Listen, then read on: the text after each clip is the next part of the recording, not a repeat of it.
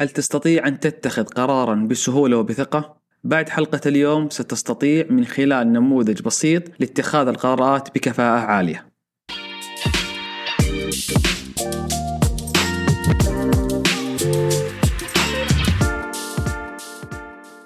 مرحبا فيك أنا تركي فهد مقدم بودكاست العبور البودكاست المتخصص للمهتمين بالتنمية الشخصية وتطوير الأعمال الذي أهدف فيه لتقديم الفائدة لك بشكل موجز وعملي قبل الحديث عن النموذج يجب أن نشرح لماذا نحتاج نموذج ذهني لاتخاذ القرارات. أن اتخاذ القرارات بشكل صحيح وفعال يعد أمرا حاسما لتحقيق النجاح في الحياة العملية والشخصية على حد سواء.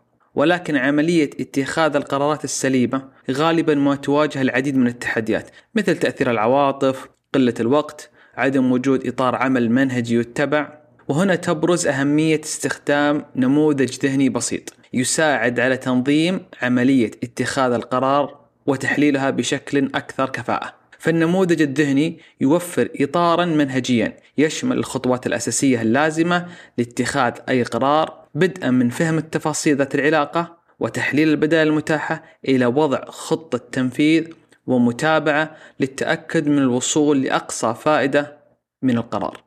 كما أن النموذج الذهني يساعد على تحسين قدرة الفرد على اتخاذ القرارات تحت ضغوط الوقت وتجنب الأخطاء غير المتوقعة وتساعد على تحسين القرارات المستقبلية من خلال التقييم المنهجي للنتائج.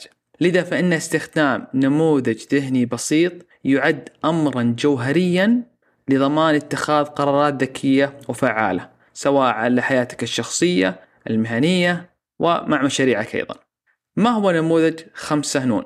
نموذج خمسة نون يتكون من خمس مراحل وكل كلمة تبدأ بحرف نون ولهذا يسهل عليك تذكره نفهم نخطط ننفذ نتابع ونراجع. أولا نفهم.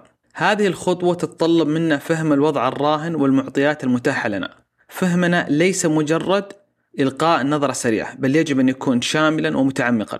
يشمل الفهم تقييم الظروف التعرف على الأهداف وتحديد العوائق المحتملة. مثلا إذا كنت تخطط لبدء مشروع تجاري يجب أن تفهم سوقك المنافسين العملاء المحتملين والتحديات التي تواجهها. ثانيا نخطط. بعد أن نفهم الوضع نحن بحاجة إلى خطة. هذه الخطة يجب أن تكون واضحة ومحددة وتحتوي على خطوات ملموسة لتحقيق أهدافنا.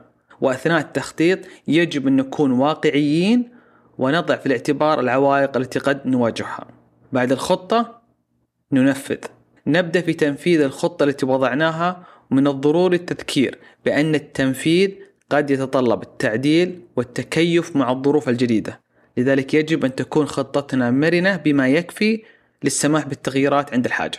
الخطوة التالية هي نتابع. في هذه الخطوة نقوم بمراقبة تقدمنا ونقارنه بالخطة التي وضعناها. هل نحن على الطريق الصحيح؟ هل يجب تعديل الخطة؟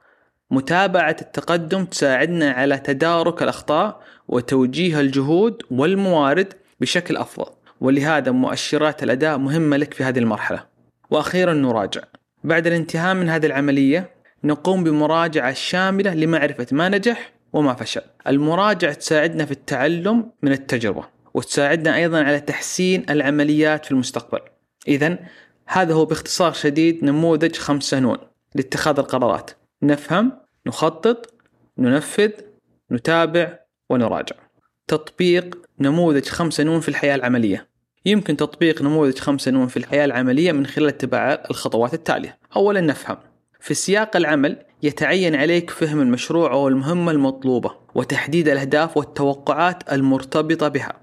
يمكنك جمع المعلومات من زملائك والمديرين والعملاء والموردين لفهم الوضع الراهن والمتطلبات المتعلقة بالمهمة. اثنين نخطط. بناء على المعلومات المكتسبة قم بوضع خطة عمل تتضمن توزيع المهام والموارد والجدول الزمني اللازم. وتأكد من تحديد المهام الأولية وتحديد المسؤوليات والمواعيد النهائية لكل عضو في الفريق إذا كنت تعمل في فريق. ثلاثة ننفذ. ابدأ بتنفيذ الخطة. تأكد من تواصل جيد مع الفريق وتحديثهم بشأن التقدم والتغيرات المحتملة في الخطة إذا لزم الأمر. أربعة نتابع. أثناء تنفيذ المهام قم بمتابعة التقدم ومقارنته بالخطة الأصلية. استخدم أدوات مثل إدارة المشاريع والتقارير لتحديد الأخطاء وأيضا استخدام مؤشرات الأداء لضمان المتابعة وأن كل شيء يسير وفق الجدول الزمني المحدد. بعد ما ننتهي من المشروع نذهب للخطة الخامسة الخطوة الخامسة اللي هي نراجع. وهذه الخطة تعملها بعد ما ينتهي المشروع. فعندها تقوم بإجراء مراجعة شاملة لتحليل النتائج وتحديد المجالات التي يمكن تحسينها في المستقبل. استخدم التعليمات من هذه المراجعة لتطوير مهارات الفريق وتحسين الأداء في المشاريع المستقبلية. من خلال اتباع نموذج خمسة نون في الحياة العملية سواء على المستوى الفردي أو مع الفريق يمكنك تحسين فهمك للمهام والمشاريع وضمان تنفيذها بشكل أكثر كفاءة فاعلية. ومن المهم عندما تبني أي نموذج أنك تحاول أن تجعله عادة ذهنية تلقائية. عند تأسيس نموذج خمسة نون كعادة ذهنية يتطلب الأمر بعض التدريب وهذا طبيعي جدا لأي شيء لأن شيء جديد عليك ولكن مع الوقت ومع التمرس سيصبح بإذن الله شيء تلقائي ففي البداية عليك أن تتذكر الخطوات الخمسة قبل اتخاذ أي قرار وهذا يتطلب أنك تتوقف لحظة وتسأل نفسك هل فهمت كل التفاصيل؟ هل وضعت خطة بسيطة؟ وهكذا مع التكرار ستبدأ بالتعود على طرح هذه الأسئلة قبل أي قرار كما يمكنك تدوين بعض القرارات اليومية البسيطة وتنفيذ خطوات النموذج عليها ومع الوقت سيصبح نموذج خمسة نون جزءا طبيعيا تلقائيا من طريقة تفكيرك في الختام أتمنى أن تكون هذه الحلقة قد أوضحت لك أهمية اتباع خطوات منهجية عند اتخاذ أي قرار مهما كان صغير. فنموذج خمسة نون البسيط يمكن أن يساهم في رفع مستوى كفاءتنا في هذا الجانب وهو جانب جدا مهم في حياتنا العملية الشخصية وحتى في مشاريعنا. عندما تتبع نموذج وتتمسك فيه ويتحول تلقائيا إلى عادة سيساعدك على الانضباط كسب المزيد من الثقة وتحمل المسؤولية بدرجة أعلى وكفاءة عالية جدا.